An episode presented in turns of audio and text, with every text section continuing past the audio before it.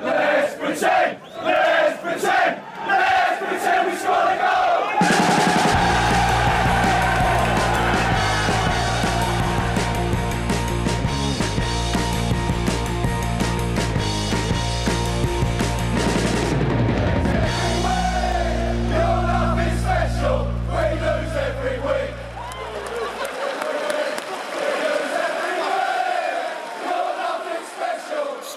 Sportbladets Premier League-podd här en måndag i oktober. Var är Patrik Syk?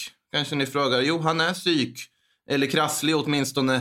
Så att eh, jag och Makoto får hoppa in här och göra det med glädje med tanke på den omgång som har varit eh, händelserikt som bara den. Och Kalle Karlsson, Frida Fagerlund med mig. Hur, hur är läget med er? Otroligt bra faktiskt. Det är, Så pass? Ja, men fantastisk eh, fotbollshelg. Det är strålande solsken här i London för första gången på eh, ganska länge. Så att jag har verkligen ingenting att klaga på just nu.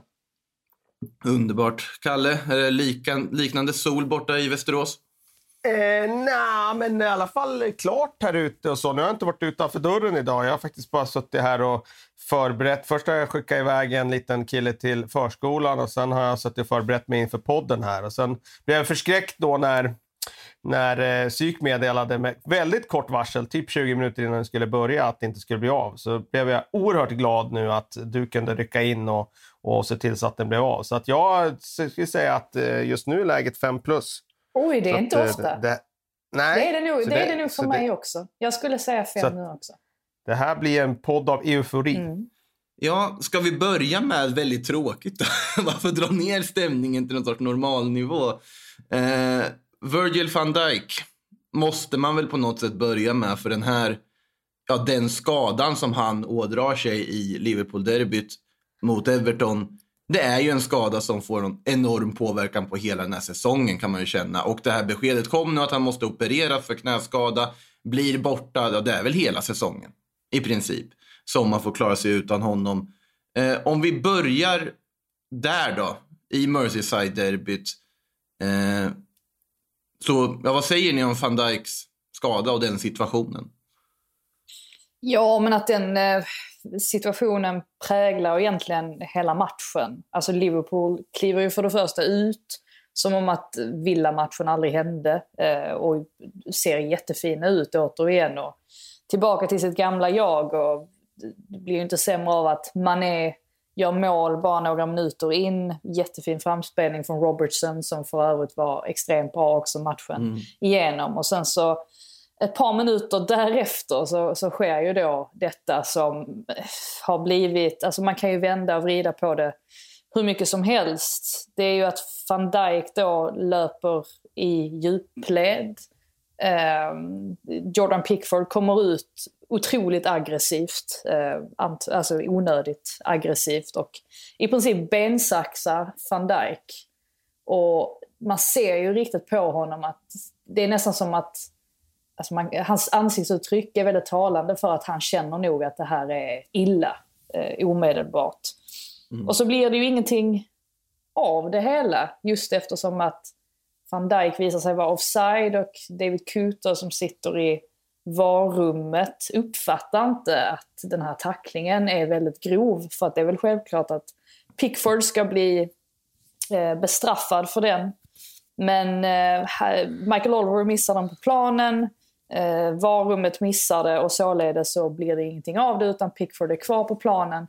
Och gör ju faktiskt en väldigt bra match efter det och står för några riktiga monsterräddningar. Bland annat på Matips nick där i, i den andra halvleken.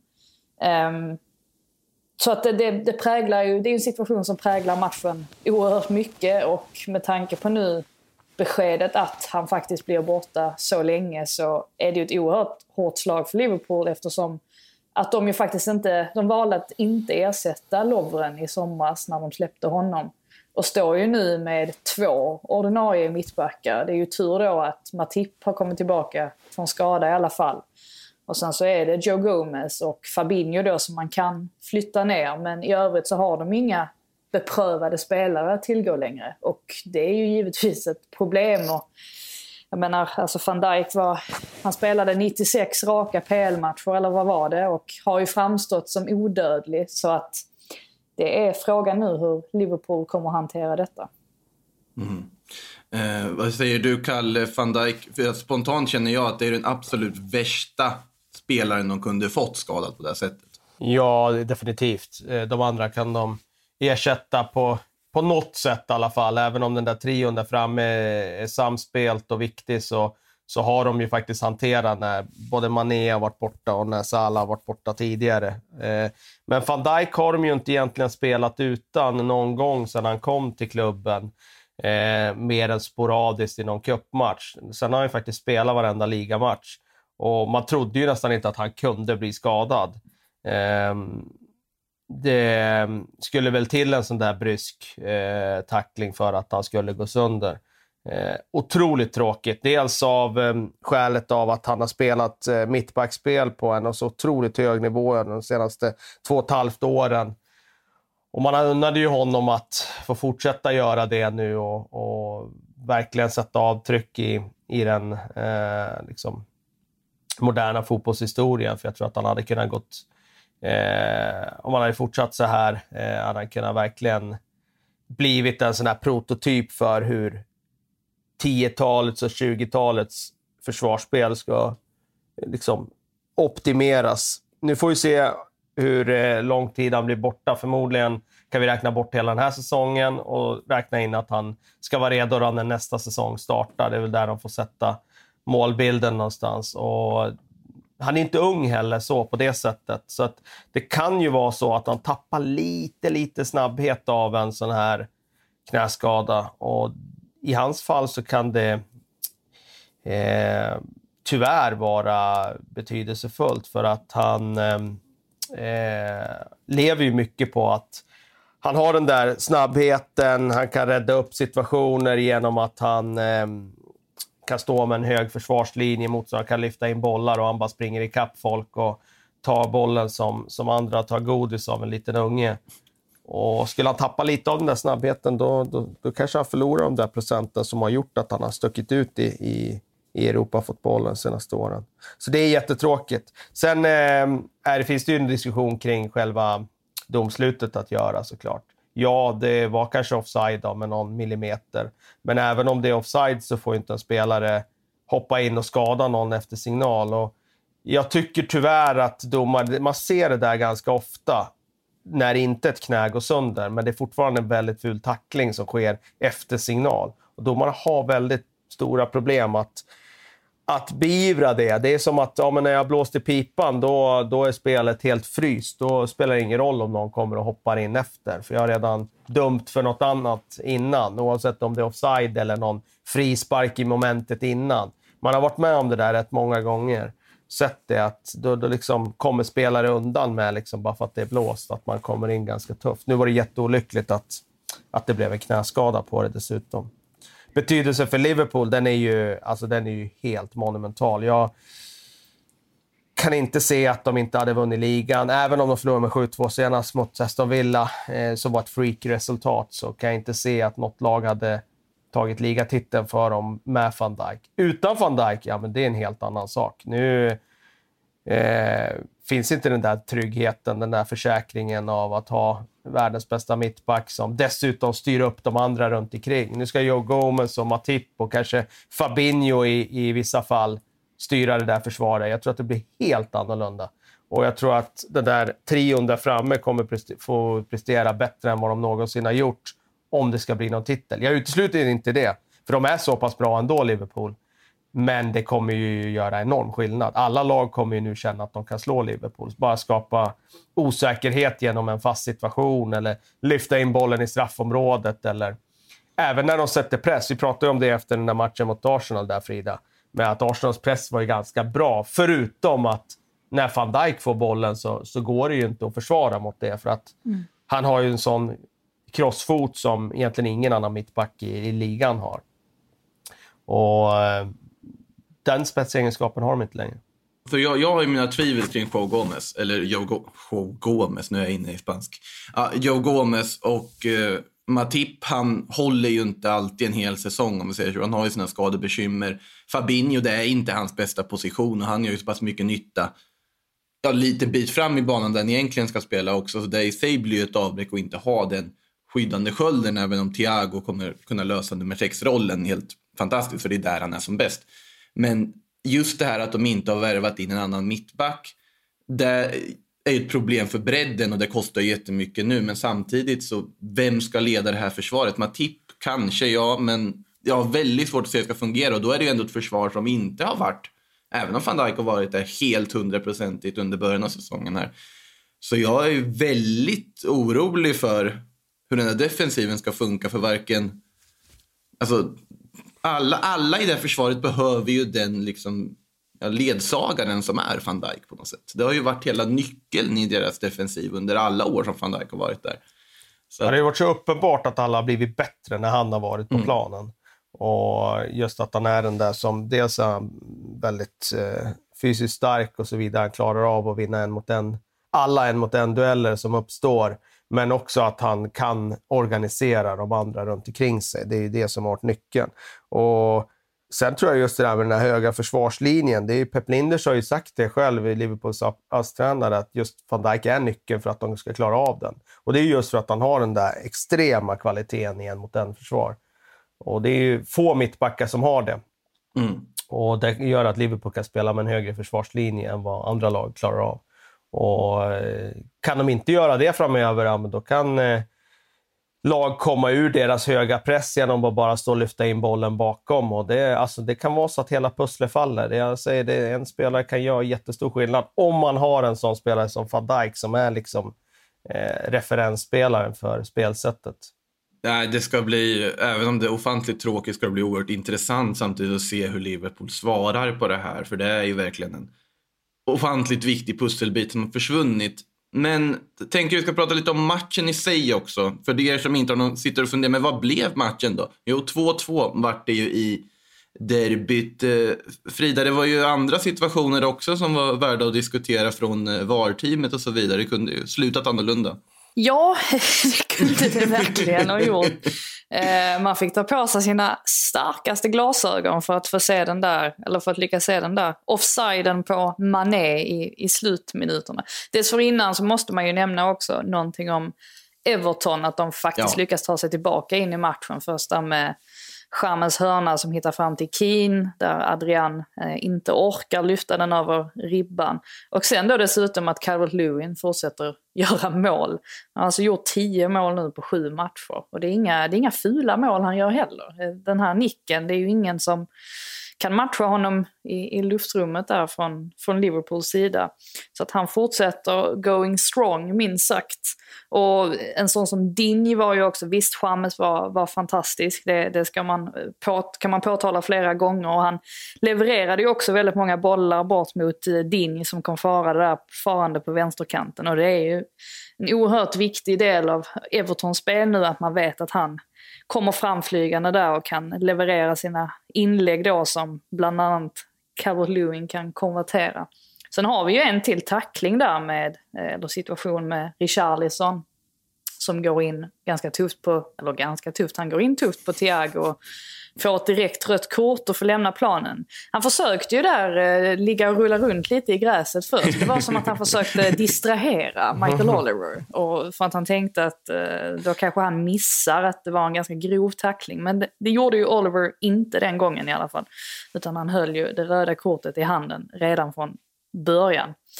Så att eh, det blir ju ett hårt tryck där mot Evertons mål de sista minuterna. Och det är väl det, det, blir, det blir svårt att och återigen liksom komma in på VAR och offside eh, mm. Men eh, den här offsiden, den är, det är så lite som skiljer att jag tycker alltså om man inte ens kan se, om man måste ha de här extrema linjerna för att ens kunna, kunna se att det här faktiskt är offside. Jag har så svårt att acceptera att ja. VAR används till den typen av granskningar. Ehm, men ja, ja, rätt ska vara rätt egentligen. Men jag tycker att mycket av fotbollen och det här flowet och glädjen och sånt, det, det blir liksom bara plågsamt när, när man går ner på millimeter som det faktiskt är i det här fallet. Så att, äh, det var absolut inte Liverpools dag. Det är ju två förlorade poäng för dem och dessutom en förlorad lagkapten, eller lagkapten är han ju inte men han, han är en ledare typ Man tror i alla ju fall. nästan han är det Ja, när det han finns, det underifrån. det, det finns ju trots allt en annan eh, stark ledare, eh, ledare i det laget, Jordan Henderson, som för övrigt också var väldigt bra matchen igenom. Men Mm. eh, det, var, det var mycket förlorat för, för Liverpool i den här matchen. Nej, men jag, jag håller ju med om det där också med de där mätverktygen och allting. Jag tappar ju livslusten när man, när man ser de där strecken, eller rättare sagt inte ser vart den där offsiden ligger. Alltså det enkla vore ju att bara avskaffa strecken. Om det ska vara så att det ska vara tydligt, då får du inte använda sådana mätverktyg. Då får du titta med ögonen och se, är det offside eller inte?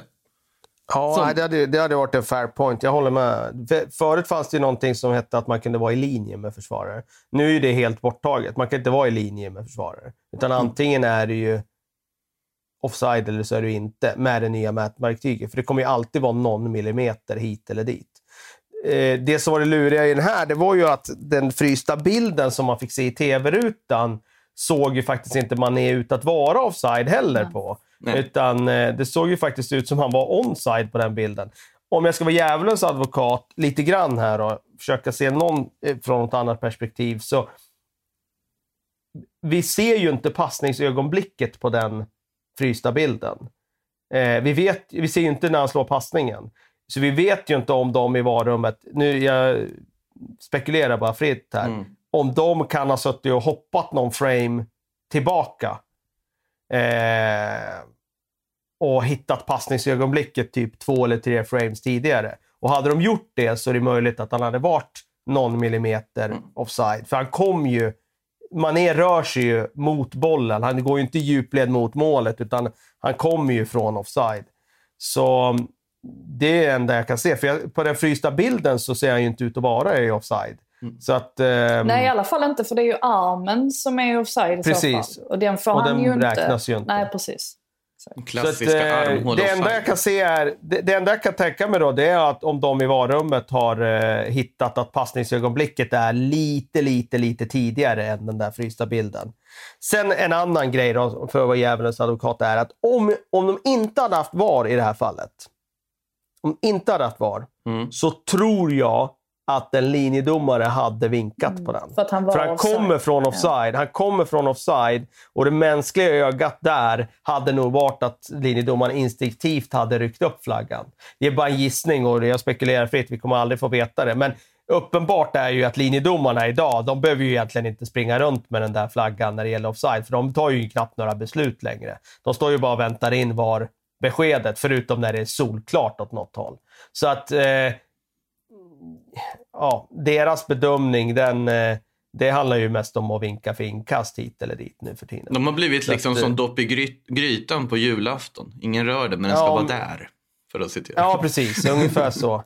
Eh, så att det är väl det då. Men eh, det var ju i alla fall olyckligt och visst, det finns ju en diskussion att föra kring det där om, om man verkligen ska hålla på med de där millimetrarna. Liksom. Men vi kan väl konstatera i alla fall att det var en otroligt händelserik match med många positiva saker från lagen som, som man kan ta med sig i alla fall. Alltså Calvert Lewin nämnde du där Frida. Det hänget han har på den nicken är ju helt otroligt. Och det var ju varenda gång bollen dök upp i det där straffområdet så var det livsfarligt man visste att han var där. Det var Ja. nästan man kände att det skulle bli mål direkt när han dök upp. Nu var ju för sig varken Joe Gomez eller eh, Trent är några vidare bra huvudspelare och de gjorde vi inte sitt yppersta i den där situationen men samtidigt ska ju inte det ta bort någonting från Calvert Lewins styrkor. Där ska det väl sägas också att van Dijk saknades lite grann när det gäller just det där Ja. inlägget. Eh, Han spelar vänster mittback i vanliga fall och det, det, liksom, när de där inläggen kommer in så dels brukar han positionera sig bra, sen har han några extra centimetrar som gör att han brukar ta undan de där bollarna. Ja, Calvert Lewin har ju, alltså han har ju så enormt självförtroende just nu så det, är- det är inte så märkligt att allting går in på något sätt. Ehm, och det är väl klart att det är otroligt god stämning i, i hela Everton just nu och leder fortfarande tabellen trots att detta då var ett väldigt tufft test för dem. Så att det är mycket som går bra. Det är väl bara den här situationen med, med Pickford som, där det finns lite frågetecken egentligen och där man undrar hur Ancelotti kommer att resonera. Um, de flesta spelarna efteråt var, påtalade ju att det var Pickford som höll dem kvar i matchen med sina jätteräddningar där på en del avslut. Men samtidigt så, det hade ju kunnat gå helt annorlunda där om han hade blivit utvisad. Eh, såklart. Mm. Så att, ja, det återstår att se om, om eh, Robin Olsson får chansen. Ehm, jag, jag tror så länge Pickford står för den typen av räddningar som han gör där i andra halvlek så kommer det nog dröja. Eh, då får eh, Robin nog fokusera på kuppspel och liknande. Men det är ju ändå en intressant diskussion som, som förs eller som pågår där. Mm. Eh, ska vi röra oss vidare kanske? till London tycker jag börjar där Chelsea tog sig an Southampton i en eh, ja, målrik match brukar man ju säga, men den här säsongen så är det väl typ ett vanligt resultat. Ja, eh, standardresultat, 3-3. ja, men det är ju standard i princip. Det, det, I varje match slutar ju det. Eh, samtidigt som det slutar 1-0 som standardresultat i La Liga, eller 0-0. Det är lite intressant det där faktiskt, att det görs inga mål typ där. Men Chelsea-Southampton, där var det ju faktiskt två anfallare som väntat på att få näta och haft liksom chanser men inte riktigt lyckats som får utdelning på något sätt här. Men kanske framförallt så är det ju Timo Werner som ja, får igång målskyttet och gör det oerhört vackert dessutom. Eh, vad är Frida, dina tankar om den här tillställningen? 3-3, Chelsea-Southampton. Ja, det kändes som att Werner verkligen hade bestämt sig för att nu jäklar ska den in. Um, mm. Och två gånger om där. Och allting ser ju egentligen frid och fröjd ut i, i Chelsea under den första halvleken. och man tänker att det här kan de väl ändå inte tappa. Ehm, men så landar de liksom i, i gamla synder återigen. Det här såg vi väldigt ofta under förra säsongen. Att de ehm, kan ha eh, ledningen och sen så klappar de ihop eh, mot slutet. Det är som att de får lite panik och de hade ju oerhörda problem med Southamptons höga press där under den andra halvleken och de utraderade ju Chelseas mittfält helt, vilket gjorde att passningsalternativen var få när, när Chelsea väl kom fram. Och Lampard försöker just att gå upp det hela där med, genom att slänga in Reece James istället för Pulisic mot slutet. Men det hjälper liksom inte och det blir inte bättre av att de släpper in, alltså först var det ju Ings där som reducerar och sen så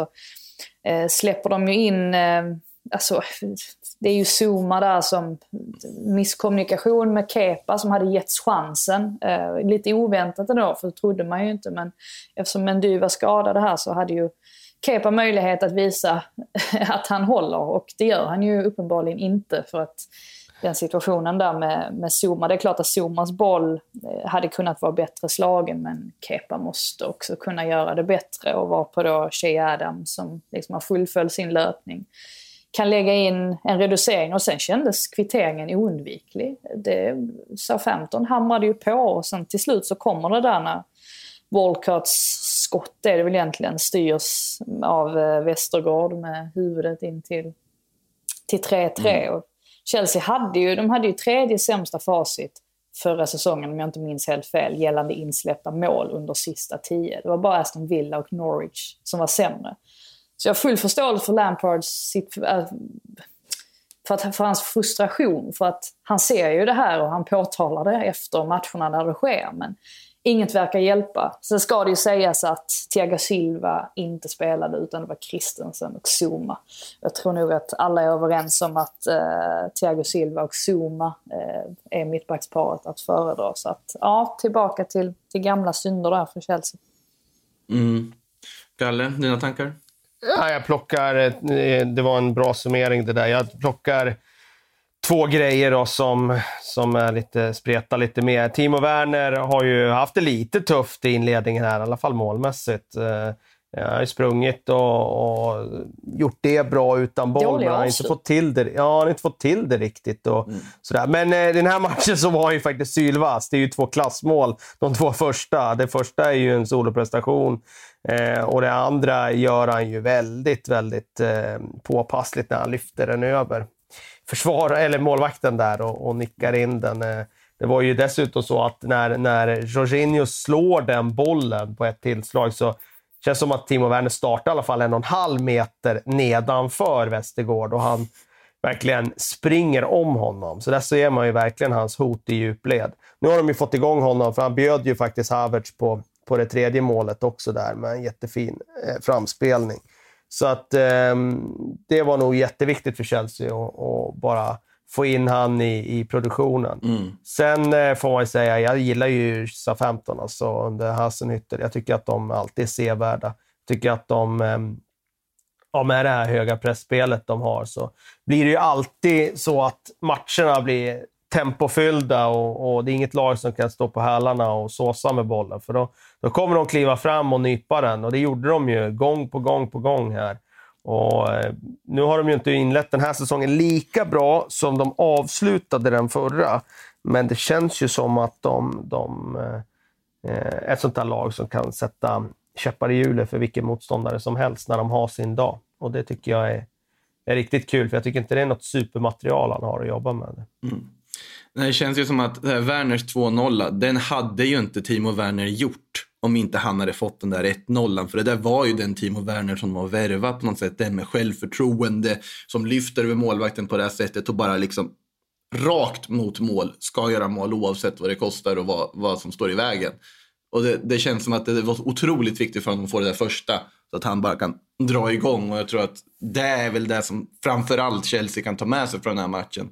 Och att man kanske fortfarande inte ska satsa på Kepa. Det var ju också smärtsamt att se det där sprattlandet efter Kurt Zomas sämre ingripande där på 2-2 målet. Det, var, det gjorde ont att beskåda måste jag säga.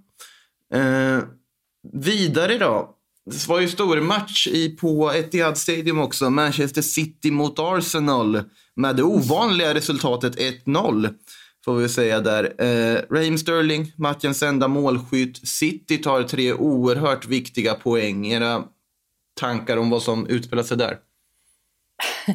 Ja, att det var, det var en match som skilde sig från mängden tycker jag. 1-0, ovanligt Ja, dels det och dels hur det utspelade sig på planen. Det var många spelare i oväntade positioner och roller eh, i city får man säga. Och, eh, Guardiola försökte ju på det sättet. Det var nästan så att han spelade en Alltså det var ju typ 3-3-1-3 egentligen när Cancelo klev inåt eh, i banan och försökte stadga upp försvarsspelet på det sättet. Och det får man ju säga var effektivt. Och Walker stängde ju ner Aubameyang totalt och William kom väl inte in. Som, han startade ju eh, centralt dessutom som någon sorts falsk nia och fungerade väl kanske inte eh, sådär jätteväl. Eller City gjorde det helt enkelt för bra och dominerar ju bollinnehavet totalt Bernardo Silva med en roll där han ger understöd till Rodri och samtidigt som han täcker, för back, täcker upp för backlinjen. Och de var helt enkelt det där City som där det är svårt att göra någonting åt. Jag tycker Bukayo Saka är väldigt bra eh, för Arsenal. Men de skapar ju alldeles för lite eh, i slutändan. Och när Sterling då gör det här målet så känner man väl lite grann att alltså det ska mycket till nu. För att då är det klart att de är med, att Arsenal är med i matchen ända till slutet. Men det, det, kändes, det, det kändes lite lojt ändå. Förvånansvärt lojt. Eh, från, från Arsenals sida. Samtidigt som de då faktiskt bara släpper in ett mål. Så att de gör ju det bra på det sättet. En konstig, konstig match tyckte jag att titta på, faktiskt. Ja, det, det, var en fascinerande match ja, jag. Det var ju intressant redan på förhand bara vad, vad ska Pep Guardiola hitta på mot, mot en tränare som han har jobbat med så nyligen och som vet hur han tänker kring olika saker. Men han är ju innovativ Pep. Han hittar ju på något nytt och det där var ju faktiskt något nytt. Alltså det var ju spelare huller om buller kändes det som mm. i första halvlek. Att de bara fick någon slags eh, struktur i det som var eh, egentligen helt utan struktur. Att folk skulle röra sig åt alla möjliga olika håll. Eh, som du sa där, det var någon slags 3-3-1-3 med Cancelo som hade någon slags roll där han skulle ibland vara centralt och ibland skulle han vara på kanten och ibland skulle han vara Eh, jag vet inte vad, men det var i alla fall ingen position som han är familjär med. Och att de då går och, och gör det så pass bra som jag tyckte de gjorde framförallt i första halvlek, det är imponerande. För det där är ju en sån där matchplan, går de och förlorar den matchen, då kommer ju Guardiola bli hängd.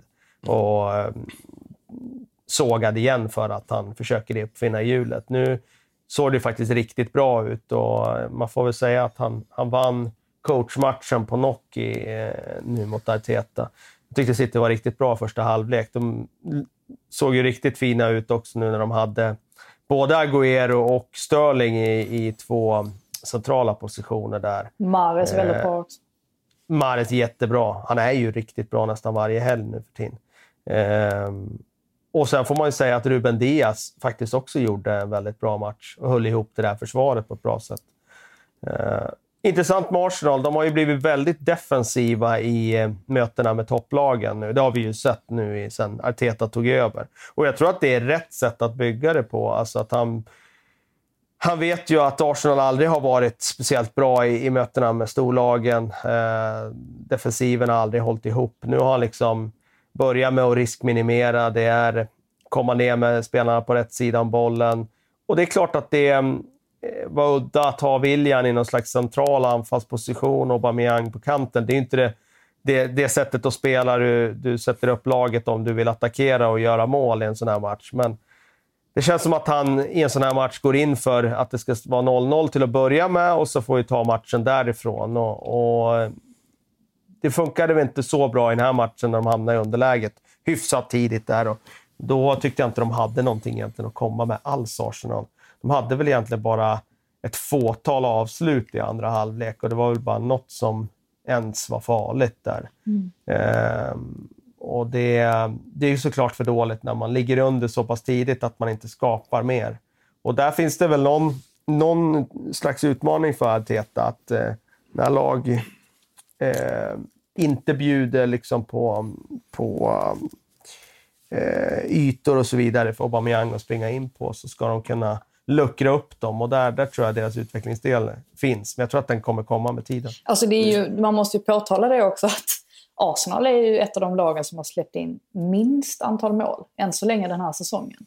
Det tror, Ja, det jag, inte, det tror jag inte många hade sett framför sig Nej, inför. Så att där, där har de ju verkligen tagit kliv, får man säga.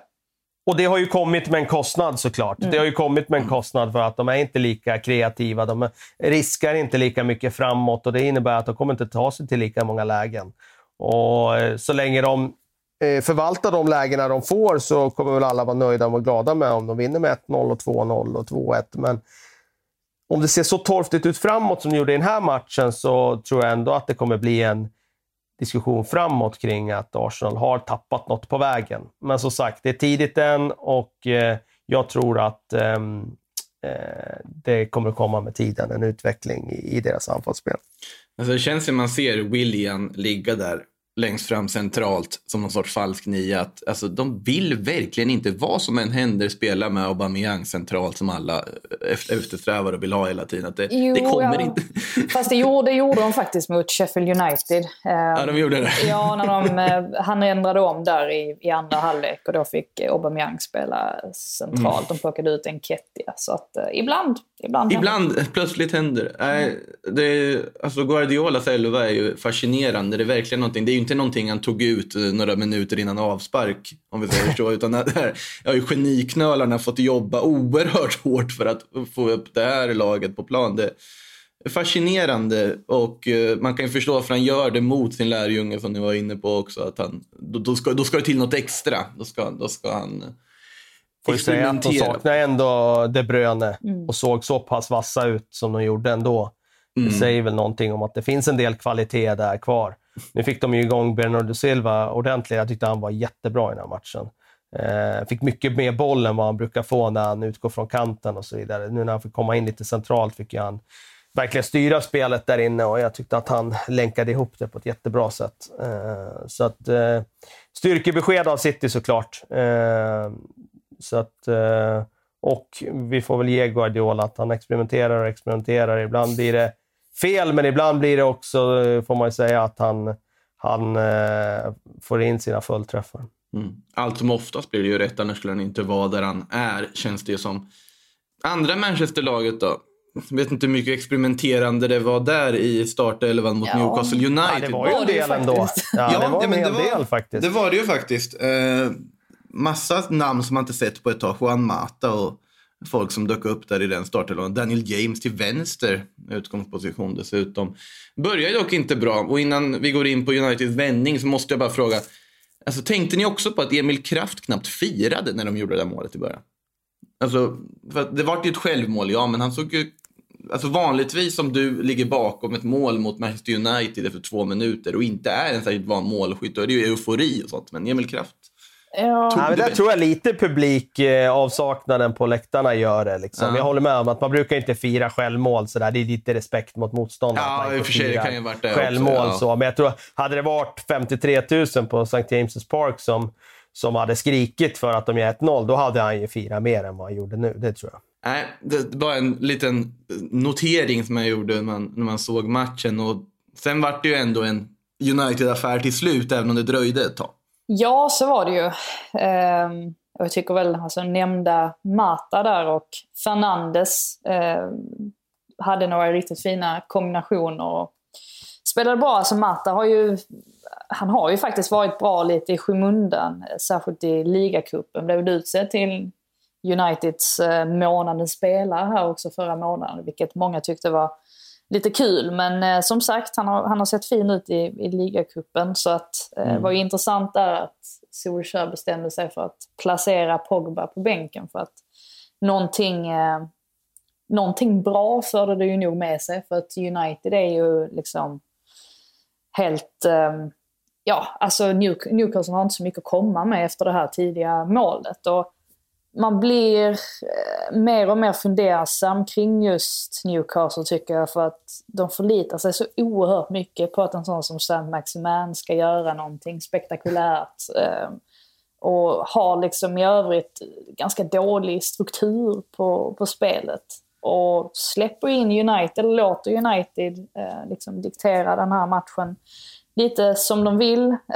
Intressant dock där att Fernandes faktiskt missar en straff, eller att Darlow räddar den. Och, eh, men lyckas ändå till slut eh, döda matchen totalt och gör ju, för, blir ju några riktigt snygga mål där mot slutet. Och lite kul också att Van Bissaka som ju gavs enorma ytor till höger. Jag vet jag satt och tänkte att varför följer han inte med upp ännu mer? Alltså det, det är så mycket spelutrymme för honom. Ehm, eftersom att Newcastle eh, släppte dem. Ehm, men han fick ju till slut göra sitt första mål för United och eh, det var ju också väldigt snyggt. Så att, överlag en bra dag för Manchester United men det finns ju oerhörda frågetecken kring Newcastle såklart. Mm. De har ju, precis som du säger, förra säsongen så var det ju så extrem fokus på det där låga igelkottförsvaret och sen att de skulle typ göra ett mål och sen bara parkera ner bussen. Eh, då kunde de ju i alla fall eh, eh, ja, men, stå emot på ett ganska bra sätt förra säsongen tyckte jag. Alltså defensivt. Visst, motståndaren hade ju bollen hela tiden, men det upplevde inte som att det var eh, att de kom till så mycket chanser. Men i den här matchen, jag tror Manchester United hade 28 avslut i den här matchen och det eh, är ju extremt mycket. Eh, och det säger väl någonting om att Newcastle varken hade struktur, varken offensivt eller defensivt i den här matchen. Eh, nu var det ju ett sent avgörande där när de gjorde 2-1 i 85-86 där, men, men eh, det borde ha kommit tidigare. De var ju ganska nära tidigare att, att göra mål. Så att eh, det var väl en eh, helt rättvis vändning och eh, för Solskär var ju det här otroligt viktigt att komma därifrån med tre poäng med tanke på hur starten har sett ut, att de kunde vända trenden efter den där försmädliga 1-6-förlusten. Eh, nu fick han ju dessutom effekt på att stoppa in Juan Mata i startelvan. Jag tyckte han var riktigt, riktigt bra. Eh, han har inte gjort en start i ligan sedan februari och eh, går in och spelar sådär bra som han gjorde. Så att, ehm, ja, det, det, de är i alla fall uppe i sadeln lite grann igen, United, eller Manchester United. Jag var väldigt förvånad dock över att Mason Greenwood inte ens var med i, i truppen. Um, jag tyckte faktiskt det var konstigt att Solskjaer inte fick fler frågor om det. Um, med tanke på att Greenbow var ju inte med under den senaste landslagssamlingen heller. Så att det är inte som att han fick uh, spela en ma- massa matcher då. Uh, så vi får väl se. Det, ja, det är möjligt att han kanske är sliten. Men jag tyckte ändå det var konstigt att han inte ens fanns med på bänken. Mm. Donny van de Beek ska man väl lyfta också. Det är ju trots allt efter liksom, han kommer in som alltihopa vänder. Och han, han gör ju skäl för att kanske få liksom starta också kan man ju säga med sina inhopp. Ja, han eh, tycker jag är en jättebra eh, andra vågspelare. Jag, han är, jag tycker han är rörlig, han är bra på att kombinera. Så att eh, han borde ju rimligen, eh, borde väl rimligen eh, Eh, stärka sina aktier nu och, och aspirera på start. Framförallt eftersom Solskjaer nu visar att Pogba inte var untouchable i startelvan. Ska väl nämnas också, den nämndes ju här lite snabbt där med Bruno Fernandes straffmiss. Också intressant att han inte gör den här, det här hoppet Bruno som man brukar göra vid straffen och då missar dessutom. Eh, Darlow gör ju en strålande match. Det är väl ingen, råder väl ingen tvekan om att det var Newcastles bästa spelare den här aftonen i alla fall. Nej, och det har sett ut så eh, ganska ofta faktiskt. Eh, matchen mot Tottenham där som de, eh, där de till slut får in en sen kvittering Mm. efter en VAR-granskning där på Eric Dyers hand. Hands, där var det ju också Darlow som liksom höll dem kvar i, i matchen. Men det var ju lite osäkert där eftersom att han, han såg ut att eh, bli skadad. Så man satt och tänkte att nu är det en riktig målvaktskris i, i Newcastle. För att Dubravka är ju såklart skadad sedan tidigare. Och tredjemålvakten är, eh, vad heter han nu? Gills, Gillsby, tror jag han heter. Gillespie, Eh, ja. som ja, är, är, är inte helt prövad. Han fostrades i Newcastle tror jag, eh, men gav sig sen iväg och har väl spelat senast i Motherwell tror jag han representerade. Så att, ja, alltså de har inga, det är inget urstarkt alternativ i alla fall eh, bakom Darlow, så de är ju väldigt beroende av att han såklart håller sig skadefri. Eh, nämnde Tottenham lite där. Vi kan väl gå vidare till dem, på tal om så här väntade resultat. Eh, det kan börja där med en liten lyssnarfråga som dök upp här. Om, eller rättare sagt ett konstaterande från Johan Lindström att kan vi bara hylla Keynes mångsidighet denna början av säsongen? Samarbetet med Son är en del, men han känns ruggigt komplett för tillfället och det är ett konstaterande jag är beredd på att skriva under på. Gör ju både assist och mål återigen här mot West Ham.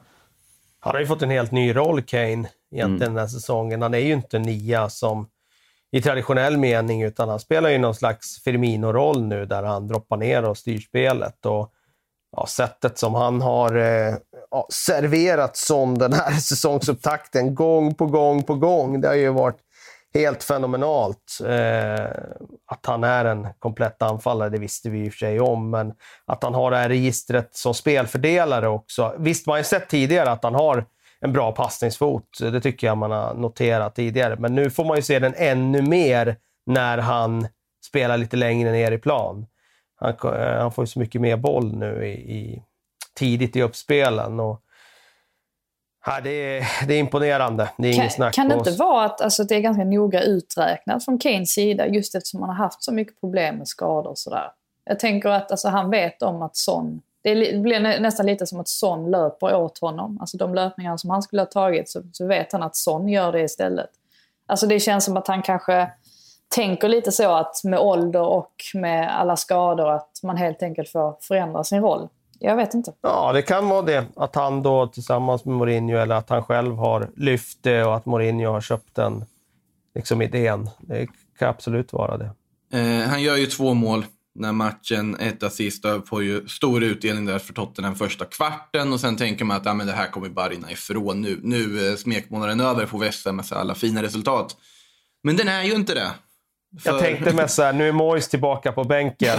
De hade 7-0 utan honom på bänken och nu är Moyes tillbaka. Då, då blir det katastrof. Så tänkte jag. Ja, det, det var nog inte den enda som tänkte så, om man säger så. Eh, men... Ja. Ja. Jag, ska, jag ska bara säga att jag, eh, jag, jag var lite kvalet när vi fyllde i de här, den här enkäten förra veckan, alltså vilket lag som kommer att överraska mest. Så satt jag och valde mellan Tottenham och West Ham och så landade det i att ja, jag väljer West Ham ändå. Liksom. Jag ska sticka ut lite. Att de kommer chocka, att de kommer att överträffa allas förväntningar.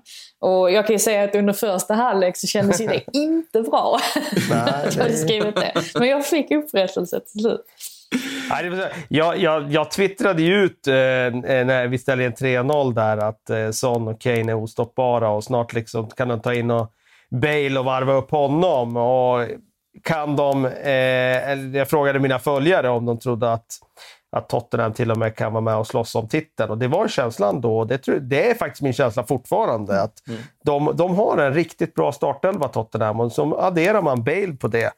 Eh, deras offensiv är, eh, är ruskigt vass. Nu kom ju en, eh, en viss upphämtning emellan, så min tweet åldras ju, eh, åldrades ju inte så bra. Men men jag står nog fast vid det, att det finns nog anledning att tro att den här säsongen kommer bli väldigt speciell. Det har vi redan sett att den är speciell, den är unik. Det görs extremt mycket mål. Och vi har Everton och Aston Villa som toppar tabellen. Det säger väl det mesta om att saker och ting är upp och nervänt. Mm. Eh, så jag tror att eh, Spurs faktiskt har möjlighet att, eh, att uh, blanda sig i där uppe. Din, din tweet, Inte vinna titeln kanske nödvändigtvis, men nej slåss om det. Din tweet åldrades inte lika dåligt i alla fall som den här stackars killen som skrattade åt att åh, vi, alltså som i Spurs, byter in Gareth Bale och West Ham byter in Lanzini. Lanzini, ja den är, den är var fin. Tuff. Uh, den fick till och med utrymme i dagens Daily Mail så att han, ja. det måste brinna på hans konto. Uh, ja, den är, den är fantastisk. Just nu. Ja, och om man liksom åter... Det är klart att det ser Alltså när Bale kommer in att det liksom står 3-0. Det är klart att det inte ser så bra ut att det slutar 3-3. Men Han man var ju väldigt nämna, nära att göra mål ja, exakt, där också. Exakt. Det hade kunnat gå helt annorlunda. För han ja. gör ju allting rätt när han får passningen från Kane där. Så gör han ju precis allting rätt. Men avslutet ja. blir ju liksom helt bedrövligt eller misslyckat. Så där hade det ju kunnat bli en, en drömdebut. Men ja, det, det blev kanske lite av en mardrömsdebut på ett sätt. Um, I slutändan. Nej, Lanzinis mål måste vi prata om också där. Det, det är, alltså vilken träff han får. ja, det är helt alltså, otroligt. Det, är helt jag, jag, det sjuka är att han träffar så långt ut på foten så jag vet inte ens om det är en riktigt bra träff eller om det bara blir bra. För att eh, det, ser, det ser ut som att han träffar så långt ut på foten. Man brukar inte få någon kraft alls när man träffar sådär.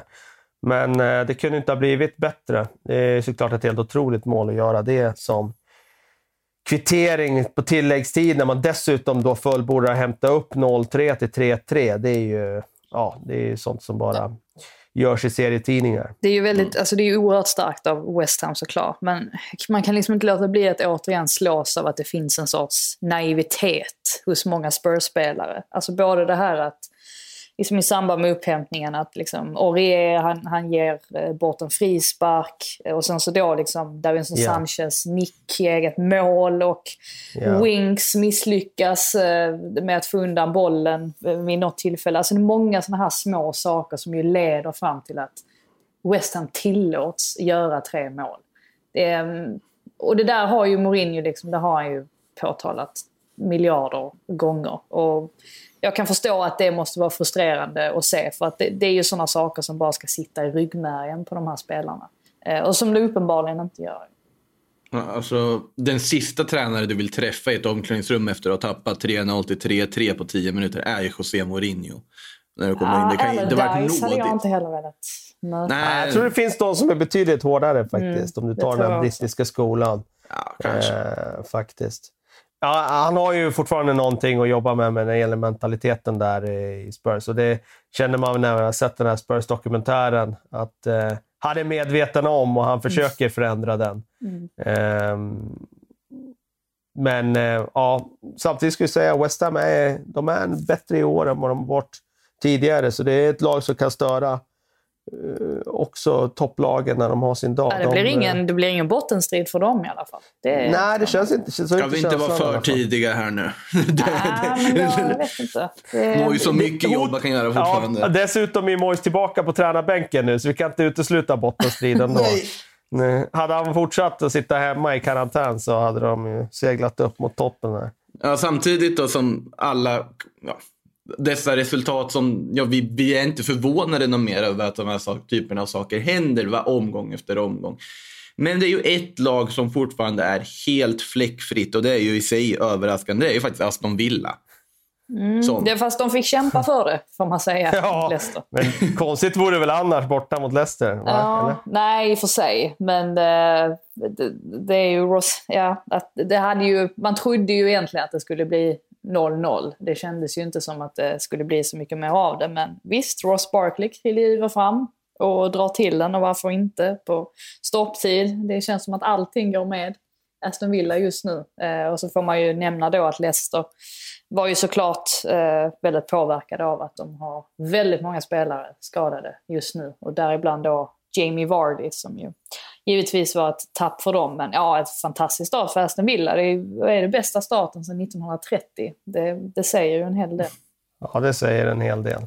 Två insläppta också med det där försvaret som var en total hönsgård stora delar av förra säsongen. Det är otroligt. Ja, det är det som är så anmärkningsvärt, att de eh, uppenbarligen har hittat någon slags trygghet där. Nu tycker jag att Tyrone Mings har ju varit bra ända sedan han kom till Aston Villa. Men är han inte, Men han lite- är han inte bra på grund av Konsa? Alltså, jag tycker det känns som att han har blivit ännu mer stabil nu. Eh, alltså att han och Konsa gör sig väldigt Mm. bra ihop. Ja, det kan vara så. Ja, men de, de experimenterar ju med den där upps- uppsättningen i princip hela förra säsongen och sen var det väl först i slutet där under sommaren som Estri Konsa vart liksom det självklara valet och även att han lyfte sig och det känns ju som att det är då som något försvaret har satt sig. Target har börjat leverera utifrån den transfer som de betalar för honom och i Matty Cash har de fått en ordinarie högerback som spelar vecka ut och vecka in som de inte riktigt haft på samma sätt tidigare. Så att de har ju satt en linje. Ja, jag tror att det är lite det, det där, eh, ja, men precis som det var i Leicester förra säsongen, att Johnny Evans fick, fick inte lika mycket uppmärksamhet som Suyuncu av någon anledning. Jag tror att i det här fallet kan det vara lite liknande ändå. Att Mm. eh, Konsa borde få mer uppmärksamhet eh, än vad han får. Mings har också varit väldigt bra, men jag tror Konsa är själva nyckeln. Ja, beredd att skriva under på det. Vad säger vi om Leicester-försvaret då? Där hade vi ju ett eh, nytt tillskott i Wesley Fofana, dyre tonåringen från Saint Etienne som dök upp. Ja, precis. De har ju stora förhoppningar på honom. Det var mycket snack om honom här i somras. Och många klubbar som har varit där och ryckt. Ehm, jag, eh, jag såg inte det hela den här matchen, så jag kan inte bedöma honom. Men eh, jag har bara noterat innan han anlände till Leicester att det var många klubbar som, som har varit där och ryckt i honom. Större än Leicester. Så att det finns väl i alla fall någon slags potential där som man tror skulle kunna eh, bli bra på sikt. De har varit väldigt duktiga på att scouta fram den sortens spelare om man tänker på Kanté och NDD och så vidare. Mm. Jag såg att Gary Lineker var ute på Twitter och hyllade honom som ett fynd efter typ 45 minuter men sa att det var tveksamt om pay per view kostnaden var värd för matchen. eh, så det, det var väl kanske inte den mest underhållande tillställningen som har spelats den här säsongen men intressant att Villa hänger med där i toppen. Var ju lite tidiga matcher där också under söndagen. Eh, Frida, kan du ta oss igenom Crystal Palace Brighton? Eh, ja, med, med, med glädje tänkte jag säga. Ehm, Det är det ju. Ja, lite eller, frustrerande match för eh, Potters del kan jag tänka mig. Mm. Ehm, Crystal Palace eh, får ju en straff i, eh, inledningsvis som ju, man väl kan tycka att ja, det är ganska löjligt faktiskt. Det är Terry Glent då som drar ner Batshuayi. Ja, han har händerna uppe, men Lanty, vad är han? Han är lika lång som mig, typ. Alltså 1,65 eller någonting. Och Batshuayi hjälper ju till enormt mycket. Och jag kan tycka att absolut, jag, någonstans så köper man att det är straff. Men eh, innerst inne så... Hur, man, en liten del av en tycker att man borde inte belönas med en straff när man hjälper till så mycket och på det sättet. Men så var det i alla fall och eh, Pallas kunde ta ledningen och sen gör ju Pallas inget annat än att försöka frenetiskt eh, försvara den här ledningen. De backar hem och täpper till och försöker göra det svårt för Brighton som dominerar bollinnehavet. Föga förvånande. Mupay var en annan spelare som Potter nog var väldigt frustrerad över. Han, eh, han har ju en tendens att vara oerhört ofarlig framför mål. Att han inte alls har den här killerinstinkten som en striker behöver ha. De signade ju faktiskt, alltså precis vid eh, när den här matchen inleddes så presenterade de ju Danny Welbeck som nyförvärv. Han, han, bröt ju, han bröt ju kontraktet här med Wat- Watford för några veckor sedan. Eh, har ju inte riktigt fallit väl ut där. Ehm, så att eh, man tänker ju att alltså, det finns en, verkligen en ärlig chans för honom att gå in och, och på något sätt få en, ja, någon sorts återupprättelse och eh, kanske utvecklas under Graham Potter. För att Mupé är, han är för iskall eh, just nu, kan jag tycka. Det, är ju, eh, det blir ju en sen kvittering där. De eh, har ju väldigt många chanser får man säga, Brighton. Men eh, det dröjer ju ända fram tills McAllister, han inhoppare, kommer in och så trycker han in kvitteringen där. Den styrs väl lite på någon spelare så att den eh, ställer Guaita lite i målet. Så att eh, delad poäng i, i slutändan. 11-1 i avslut i Brighton säger ju en del. Men eh, ja, ehm, lite glädje ändå för Potter. Han, de behövde den här poängen. Det är alldeles för många förluster annars på raken. Eh, notera här att Ben White står som mittfältare i den resultatservice jag har. Ja, eh, vilket, är, vilket är helt korrekt. Eh, ja. ja. det är inte jätteotippat ändå. Det är ändå en roll som han eh, har haft eh, ja. tidigare också. Nu, nu var det ju eh, på bekostnad av eh, Alsate som eh, ledde på bänken. Har ju spelat väldigt mycket så att det kan ju säkerligen vara därför. Och Dan Burn är ju en gedigen ersättare får man säga till att spela extra mittback. Ska sägas att Louis Dunk drar på sig ett oerhört onödigt rött kort i slutet. Han vill ju få in det här segermålet då eh, med bara några minuter kvar och går in otroligt hårt mot eh, Cahill. Och känner det också omedelbart. Um, han liksom reser sig bara upp och går fram till Cahill direkt för att det där var liksom en tvåfotare som... Ah. Ja, det, det, var rött kort i alla fall. Så att nu får de ju klara sig utan honom också, vilket givetvis är ett tapp. Men eh, Dan Burn ska väl kunna, och så flyttar man ner White, ska väl kunna ersätta det eh, och göra mm. det fullt dugligt. Ja. Eh, var en match till som spelades under söndagen. Eh, det ångestmötet, får man väl kalla det. Tidigt ångestmöte mellan Sheffield och Fulham. Eh, Daniel Alsen, vår lyssnare, frågar sig här. Två mål på fem matcher, ena på straff och andra på ett skott från utanför straffområdet med fel fot. Har Sheffield tillräckligt bra anfall för att hänga kvar den här säsongen? Ja, det är ju faktiskt en ytterst bra fråga, men då ska man ju räkna in att Rian Brewster som kommer in i den här matchen ändå är ett visst sparkapital. Jo, absolut. Men samtidigt men, så... Eh, ja, alltså det är någonting som inte riktigt stämmer i, i Sheffield mm. United. Mm. Det ska sägas att Areola gör ju ett par riktigt vassa räddningar här. Eh, där de ju faktiskt kan liksom ha fått in. Men, men, men Sheffield United har, de har liksom kommit in i säsongen på helt fel sätt. Och det känns nästan lite som att de liksom har präglats väldigt mycket av det. Jag tycker annars en sån som Sander Berge, som, där definitivt finns eh, sparkapital, han gör överlag en väldigt bra match. Men det är som att ju längre tiden lider, desto mer släpper man in Fulham. Sen är det ju... Eh, eh, var det ju ja, ganska intressant här med, med Mitrovic. Han hade ingen bra dag alls, får man lugnt konstatera. Alltså först så missar han ju en straff då. Eh, mm. och sen så eh, ger han bort en straff till Sheffield United istället. Och det är intressant också att det är Robinson i båda fallen. Alltså det är Robinson som tar hans för som leder till att Fulham får straff. Och sen är det han som ordnar en straff eh, för Sheffield United. Så att um, Ja, det finns väldigt många frågetecken för Uniteds del. Det var väl viktigt för dem dock att de inte förlorar den här matchen. För att är det något lag man inte ska förlora mot så är det ju Fulham som väntas vara där nere eh, hela säsongen i tabellen. Med det sagt, mm. Lookman, väldigt fint mål. Hade Mitrovic haft en bättre dag så hade de kanske till och med kunnat vinna den här matchen. Och det är ju oroväckande för Uniteds del. Känns inte som Fulham har gjort sitt bästa här i slutet av transferfönstret. Både Luckman, som gör mål här också, och Loftus-Cheek känns ju som precis rätt typ av värvningar för dem.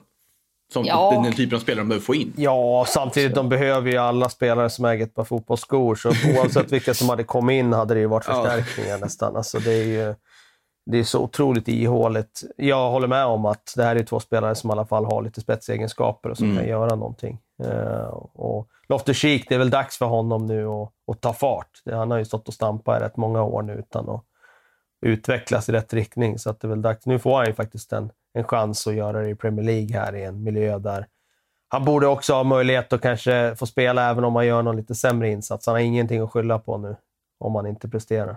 det är två matcher till i den här omgången. Den femte, men de spelas ikväll eh, i talande stund. West Bromwich Albion mot Burnley och Leeds United mot Wolverhampton Wanderers.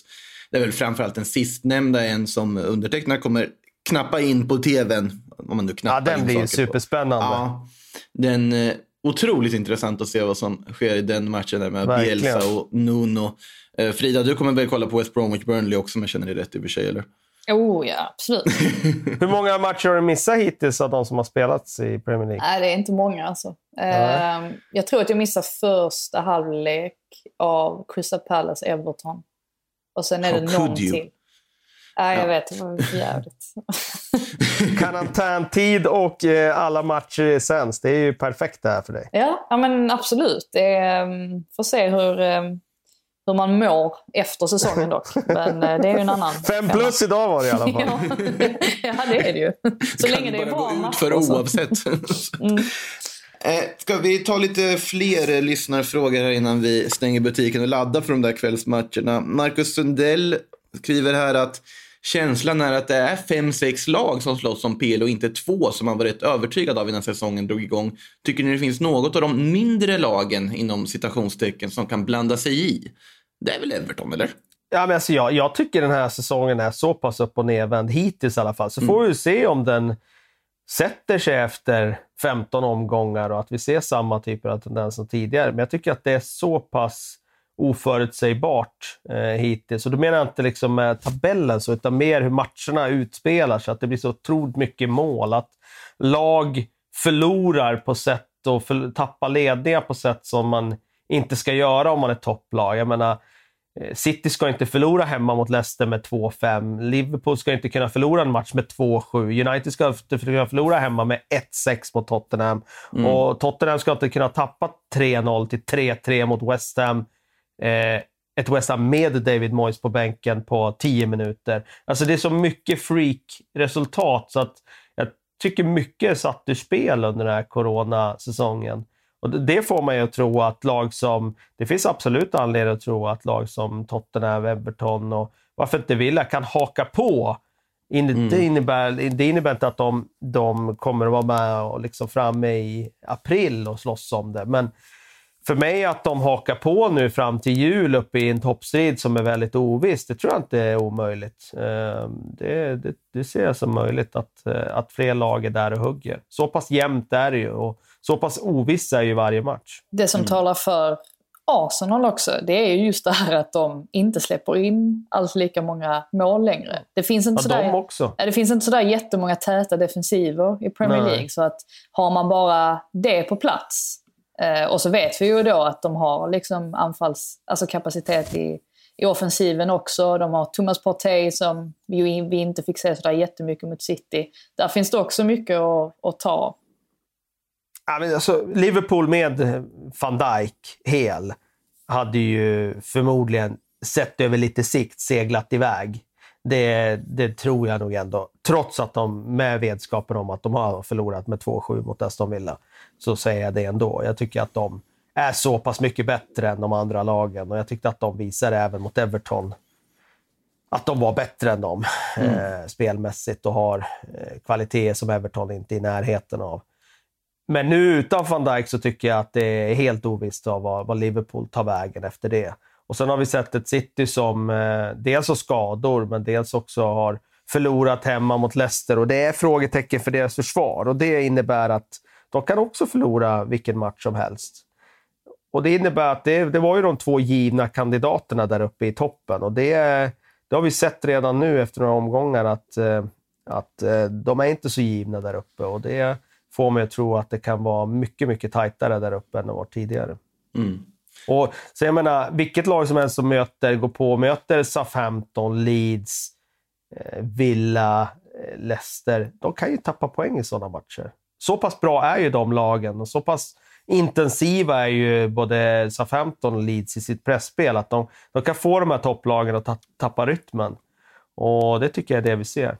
Mm. Och sen har vi dessa landslagsuppehåll som också bara drar ner rytmen fullkomligt för i princip alla topplagen som blir av med halva trupperna som åker iväg ut på resor när de inte borde resa. Så att det finns så många parametrar som gör att det talar för att vi ändå kan få en väldigt oväntad liksom strid där i toppen på alla, alla sätt och vis. Så att, eh, ja, du nämnde ju Partey där lite kort. Nu var han sju minuter, kanske inte tillräckligt mycket material för att göra någon grundläggande analys av vad han kommer tillföra till Arsenal rent på vad vi har sett dem på plan. Men vi ska väl nämna också Kun Agüero tillbaka. Det gjorde vi inte när vi pratade om matchen tidigare. Eh, Toby Lillyleaf frågar ju varför får Agüero ta tag i en linjedomare utan att något händer? För det var ju det, en av sakerna som han kanske uppmärksammades mest för under comebacken. Ja, det har ju blivit eh, otroligt uppmärksammat. Och jag mm. som kvinna får väl kliva fram här då och leverera min eh, åsikt kring det. Eh, för det blir ju mycket snack just eftersom att eh, Massey då som hon heter är, mm är kvinna. Eh, den enda kvinnliga linjedomaren där är. Eh, jag tror att hon är jäkligt bra på det hon gör för att jag har aldrig hört eller sett henne liksom inblandad i någon kontrovers eller sådär. Ehm, och händelsen utspelar sig, och det är kort innan halvtid där eh, i mötet mellan City och Arsenal, där Agüero, ja precis, lägger Alltså armen är det ju inte riktigt. Alltså, han lägger ju handen på hennes nacke i princip, eller på hennes axel. Eh, mm. Och tittar på henne. Och många menar ju då att eh, så här kan man inte bete sig och vill ju få det till då att det är en könsfråga också. Att han aldrig hade gjort sådär eh, mot en manlig linjedomare. Och jag ska vara ärlig och säga att jag tycker egentligen att alltså det stora problemet är ju faktiskt att han rör vid en linjeman, alltså överhuvudtaget. Alltså en, en domare. Han ska, inte, mm. han ska inte röra vid en domare. Det ska, liksom, det ska ingen spelare göra. Så där ligger ju liksom kärnproblemet i den här frågan ja. tycker jag. Att det inte blir någonting av det, att hon inte liksom, eh, tillkallar eh, liksom, huvuddomarens uppmärksamhet eller sådär. Har jag också full förståelse för, för att det är ingen lätt situation att vara i när man är kvinna. För att det är väl klart att hon inte vill dra, alltså hon vill inte göra en stor grej av att, eh, av att en, en, man rör henne på det sättet. För det ska ju sägas att sättet som Agüero rör vid henne på, det hade, så hade han ju aldrig rört vid en man. Inte på det sättet. Han hade kanske rört vid en man, men inte så. Inte med den handrörelsen och inte med den blicken. Alltså det, det händer inte. Så att nu verkar det som att han kommer liksom inte bestraffas i efterhand. Guardiola sitter på presskonferensen efteråt och säger att han är den snällaste killen jag känner. Det kan man också diskutera om liksom vad det är med saken att göra. Alltså det har ju ingenting med saken att göra. Det finns så många lager av den här händelsen men jag tycker ja. man ändå borde, och det, man kan diskutera det i det oändliga, men jag tycker man borde landa i att en spelare ska aldrig röra en domare. Så där, redan där gör han ju eh, tokfel såklart. Ja, jag håller fullständigt med om den analysen. skulle jag ja, säga. Jag skriver under om, på det också, varenda ord. Eh, så att det finns inget att tillägga egentligen. Mm. Dumt gjort. Mm. Ja. Eh, ta en sista fråga här. Peter Hansen frågar, hade Pickford klarat sig i situationen van Dijk? Vi avslutar där vi börjar. Om det funnits publik på läktaren. Ja, det tror jag. Jag det tror, jag inte. Jag tror, ja, jag tror inte det spelar så stor roll i det här. Utan jag tror det som spelar stor roll här är att spelet är avblåst. Och då, mm. då, som jag sa, det, domarna har lite svårt med det där. Det, jag tycker att det sker ganska ofta faktiskt. Eller ofta, det är inte så att det sker varje match. Men man ser i alla fall att när det, när det är avblåst så, så kan man komma in sent i en tackling. Det är som att domaren Ja, det har aldrig hänt. Liksom. Domaren tycker att ja, men då, då är spelet avblåst. Då, då har man redan dömt för något, något annat och då, då spelar det ingen roll vad som sker efter den där signalen. Och ehm, Det kan jag tycka är lite synd faktiskt. För då kan man komma in lite sådär sent i en tackling. Bara för att spelet var avblåst så då blir det ingenting. Så jag tror inte det hade påverkat med publiken. Nej, det, det känns ju. det. Det är konstigt det där alltså med... Alltså, vad ska man säga, ordningen på saker och ting. För det känns ju också som att även när varummet tittar på saker, då är det verkligen att om en situation händer innan en annan, då är det bara den första situationen som på något sätt räknas. Eh, och det där, jag såg ett exempel på det i spanska fotbollen här igår när en Betty-spelare mot Real Sociedad fick sin tröja helt söndersliten i straffområdet. Det var ett stort hål i tröjan. Och det var liksom, ja men det måste ju bli straff. Men det vart det inte för att Betty-spelaren höll i handen på den andra då innan situationen. Det är det enda logiska till att det inte blev straff. För det var liksom, tröjan var ju som en strut, den var ju helt uppriven. Så det, det är konstigt det där med eh, hur, hur viktigt att en situation händer innan en annan för att bedöma. Men det får väl domarna och de som sätter reglerna funderar lite över. Särskilt efter det som hände van Dijk med Pickford. Eh, något mer ni har att tillägga annars innan vi tar måndag eller tar måndagskväll och laddar för matcherna? Mm, nej, det tror jag inte. Champions League i veckan Ja, också. just det. just det. Ja, eh, det blir ju Ja, intressant där med PSG United framför allt. Den är man ju... eh, Ja, det ska bli spännande att se vilken startelva Solskjaer ställer ut där.